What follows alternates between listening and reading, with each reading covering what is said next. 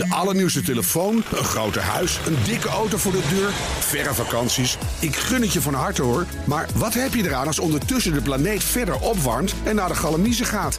Wil je echt weten hoe het zit en wat we eraan kunnen doen? Luister dan naar BNR Duurzaam. Elke maandag tussen 3 en half 4 op de radio en altijd online als podcast. Want die volhoudbare wereld, die maken we samen. BNR Duurzaam wordt mede mogelijk gemaakt door Milieuservice Nederland. De ondernemende afvalpartner voor zakelijk Nederland.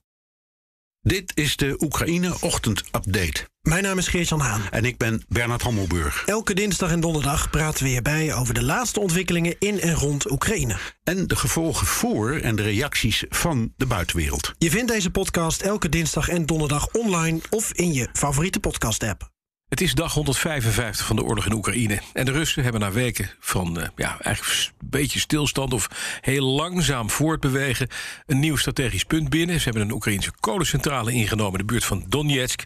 Dat is nog steeds in het Donbassgebied, maar ondertussen melden de Amerikanen dat er een Russische zijde vermoeiing aan het optreden is. En dat er 75.000 Russische soldaten in het conflict zouden zijn omgekomen. We gaan onder meer over die zaken praten met BNR's buitenlandcommentator Bernard Hammelburg. Met Europa-verslaggever Geert-Jan Haan. Mannen, goedemorgen. Goedemorgen. Ja. Goedemorgen. Eerst even, even Bernard, die intel van de Amerikanen. Klopt het? 75.000 Russische soldaten dood? Uh, ik, ik, ben altijd voorzichtig hiermee, zoals je weet. Uh, Geert-Jan en ik hebben onze les geleerd met het onmiddellijk overnemen van dit soort berichten. Uh, aan de andere kant, het is niet onwaarschijnlijk. er zit trouwens een bericht aan toegevoegd, ook van de Amerikaanse inlichtingendienst, dat er klaarblijkelijk sprake is van verversing van de complete Russische troepenmacht langs het front. nou, dat zou met elkaar in overeenstemming kunnen zijn. Veel doden betekent dat je veel nieuwe soldaten nodig hebt. Het kan ook te maken hebben met een uh, verandering van strategie. Dat ze gewoon om het zo maar te zeggen, harder willen knokken om hun doelen te bereiken. Maar ver, voor de rest weet ik het niet. Ik bedoel, de 75.000 doden is heel veel, veel trouwens. Ongelooflijk. Ja. ja. Want hoeveel, hoeveel mensen. Ik, ik, ik, weet het, ik heb die cijfers ook niet paraat. Ik, ik weet niet of jij ze paraat hebt. Hoeveel mensen zijn er overleden in, het, in, het Afghanistan, de Afghanistan-oorlog onder Russisch bewind? Volgens mij minder. Ja, dat, dat weet ik ook niet meer precies hoor. Maar dat waren er inderdaad minder. Ja, ja. Uh, maar dat kun je niet heel goed vergelijken. Want Afghanistan is een heel dun bevolkt land. Mm -hmm. en daar zaten de, uh, laten we zeggen, de, de, de veldslagen die daar werden geleverd. Dat, dat, dat waren soms dingen die gingen om, ja, om hele kleine dorpjes of om, om, om provincies. Ja. Uh, maar uh, ik, dit is niet. Dat, kijk, in Afghanistan ging het, dat, dat weet je nog van Nederland, dat dan ook. Uh, Oeroeskan en zoals je alle andere provincies waar werd gevochten. Uh, en in, uh, ik, in Oekraïne is het net uh, anders. Daar, daar, daar, is de nadruk eigenlijk maar op één gebied. Mm -hmm. dat is uh, Donbass. Ja. Uh, en vrezen wij ook een beetje op het zuiden. Hoewel we niet zeker weten hoe dat loopt. Maar Um, ja, daar houdt de vergelijking wel een beetje op. Ja, precies. E, even naar het andere, Geert-Jan. Want die, die kolencentrale die nu ingenomen is door de Russen... wordt dat groots opgepakt in de Russische media? Ja, uh, deels wel. Er is ook veel aandacht voor een mogelijke uh, uitruil uh, van Amerikanen en de Russische wapenhandelaar Anatoly Boet. Ja. Uh, dus dat soort uh, verhalen die sieren nu ook wel de voorpagina's. Ja, die kolencentrale wordt als winst gespind in Rusland. En in de Oekraïne zeggen ze het is een tegenslag, maar een kleine tegenslag. Ze zijn daar echt vooral bezig met die ontwikkelingen aan het front. En daarin kan ik Bernard aanvullen vanuit hoe Oekraïne dat momenteel presenteert. Ja. Uh, Oekraïne ziet uh, bij monden van Arestovic. Arestovic is de militair adviseur van Zelensky. Die mm -hmm. geeft bijna elke avond op YouTube een uur lang een update van hoe het ervoor staat aan het front. Okay. Daar moet je maar de tijd voor hebben. En mm -hmm. af en toe kijk ik dat. en wat heeft hij nu gezegd? Dat uh, Rusland overal troepen vandaan haalt uit het oosten, uit de regio Kharkiv en richting Izium uh, stuurt. En vanuit daar richting de zuidelijke provincies Zaporizhia en Gerson. Nou, het strijdplan van de Russen is volgens de Oekraïners nog niet helemaal duidelijk. Het zou kunnen dat ze ergens een paar klappen willen uitdelen als ze met zoveel mensen samenkomen. Of. Dat achten ze aannemelijk. Uh, dat ze willen voorkomen dat Oekraïne de bezette gebieden in het zuiden gaat bevrijden. En dat er misschien wel aan wordt gestuurd op onderhandelingen. Uh, neemt al de woorden Koreaans model en Minsk 3 in de mond. Oké. En als ik met jullie heel even mag doordenken. Mhm. Binnenkort uh, komen er referenda in die zuidelijke provincies van Oekraïne. Dat hebben de Russen aangekondigd. Hè? Mhm. Als die referenda uh, eind augustus of begin september plaatsvinden, dus redelijk snel. En die gebieden sluiten aan bij Rusland. Mhm. Dan mag je volgens de Russische wet dienstplichtigen naar die gebieden sturen. Aha. Ook al zijn er op dit moment enorme verliezen, wat we met elkaar bespreken. En ook mhm. al is er geen algehele mobilisatie vanuit Rusland. Rusland kan dat dan volgens de eigen wet doen, want dan worden die gebieden binnenland. Ja.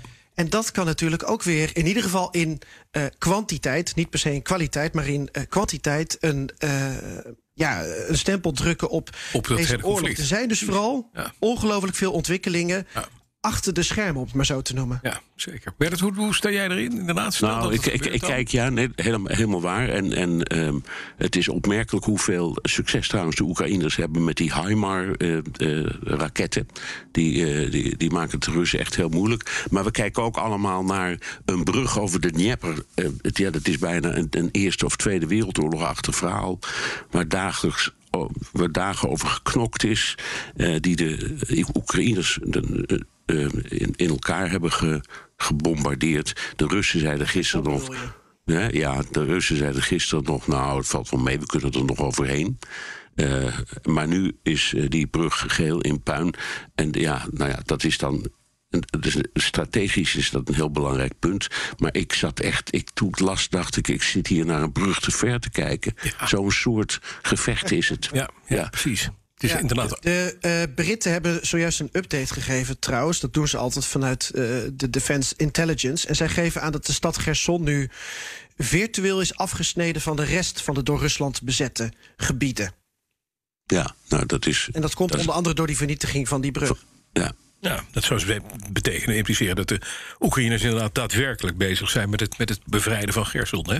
Nou ja, ze zijn in elk geval met een groot tegenoffensief bezig.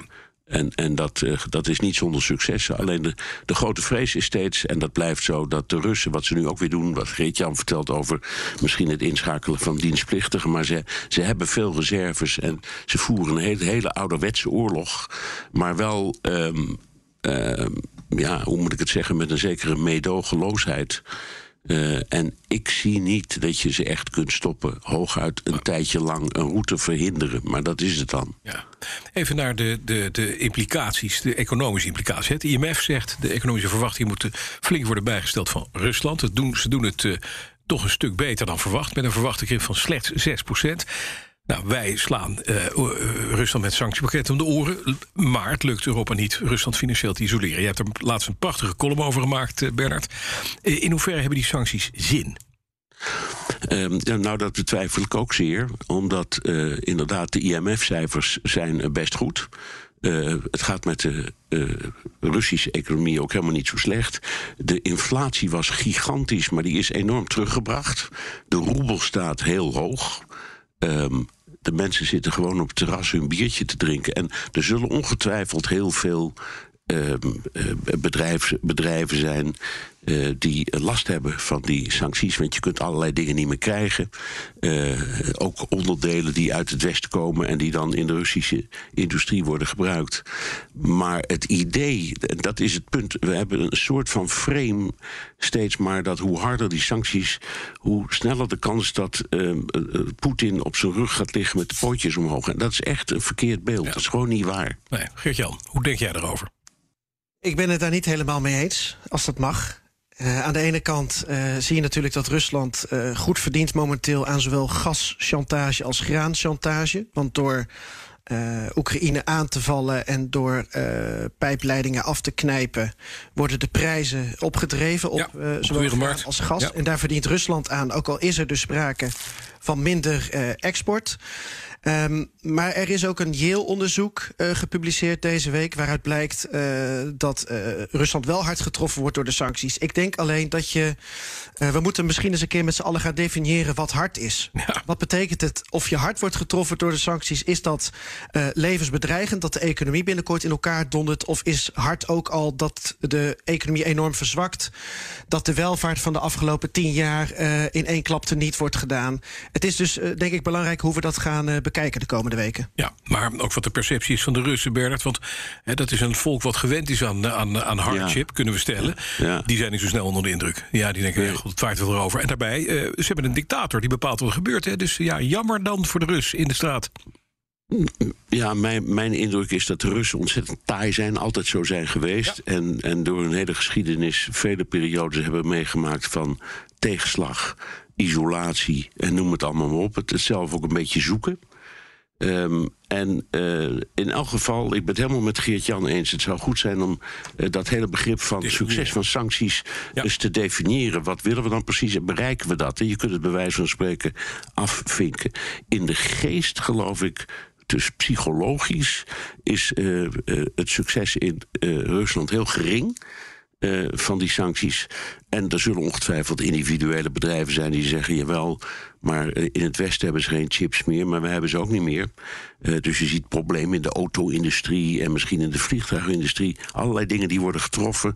Maar de gewone gemiddelde Rus, ik blijf zeggen dat die het, het gevoel van um, optreden tegen dat barbaarse nazistische Westen belangrijker vindt dan de vraag of de economie een beetje omhoog of omlaag gaat. Dankjewel. Maar dat heeft niks meer met economie te maken, maar met de kracht van staatspropaganda en staatsmedia. Uh, die aangeven uh, sancties vanuit het Westen. Uh, ja, dat komt niet omdat wij in oorlog zijn begonnen. Dat doen ze om ons te pesten.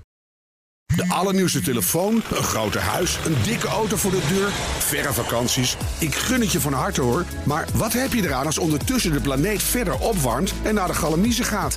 Wil je echt weten hoe het zit en wat we eraan kunnen doen? Luister dan naar BNR Duurzaam. Elke maandag tussen 3 en half 4 op de radio en altijd online als podcast. Want die volhoudbare wereld, die maken we samen. BNR Duurzaam wordt mede mogelijk gemaakt door Milieuservice Nederland. De ondernemende afvalpartner voor zakelijk Nederland.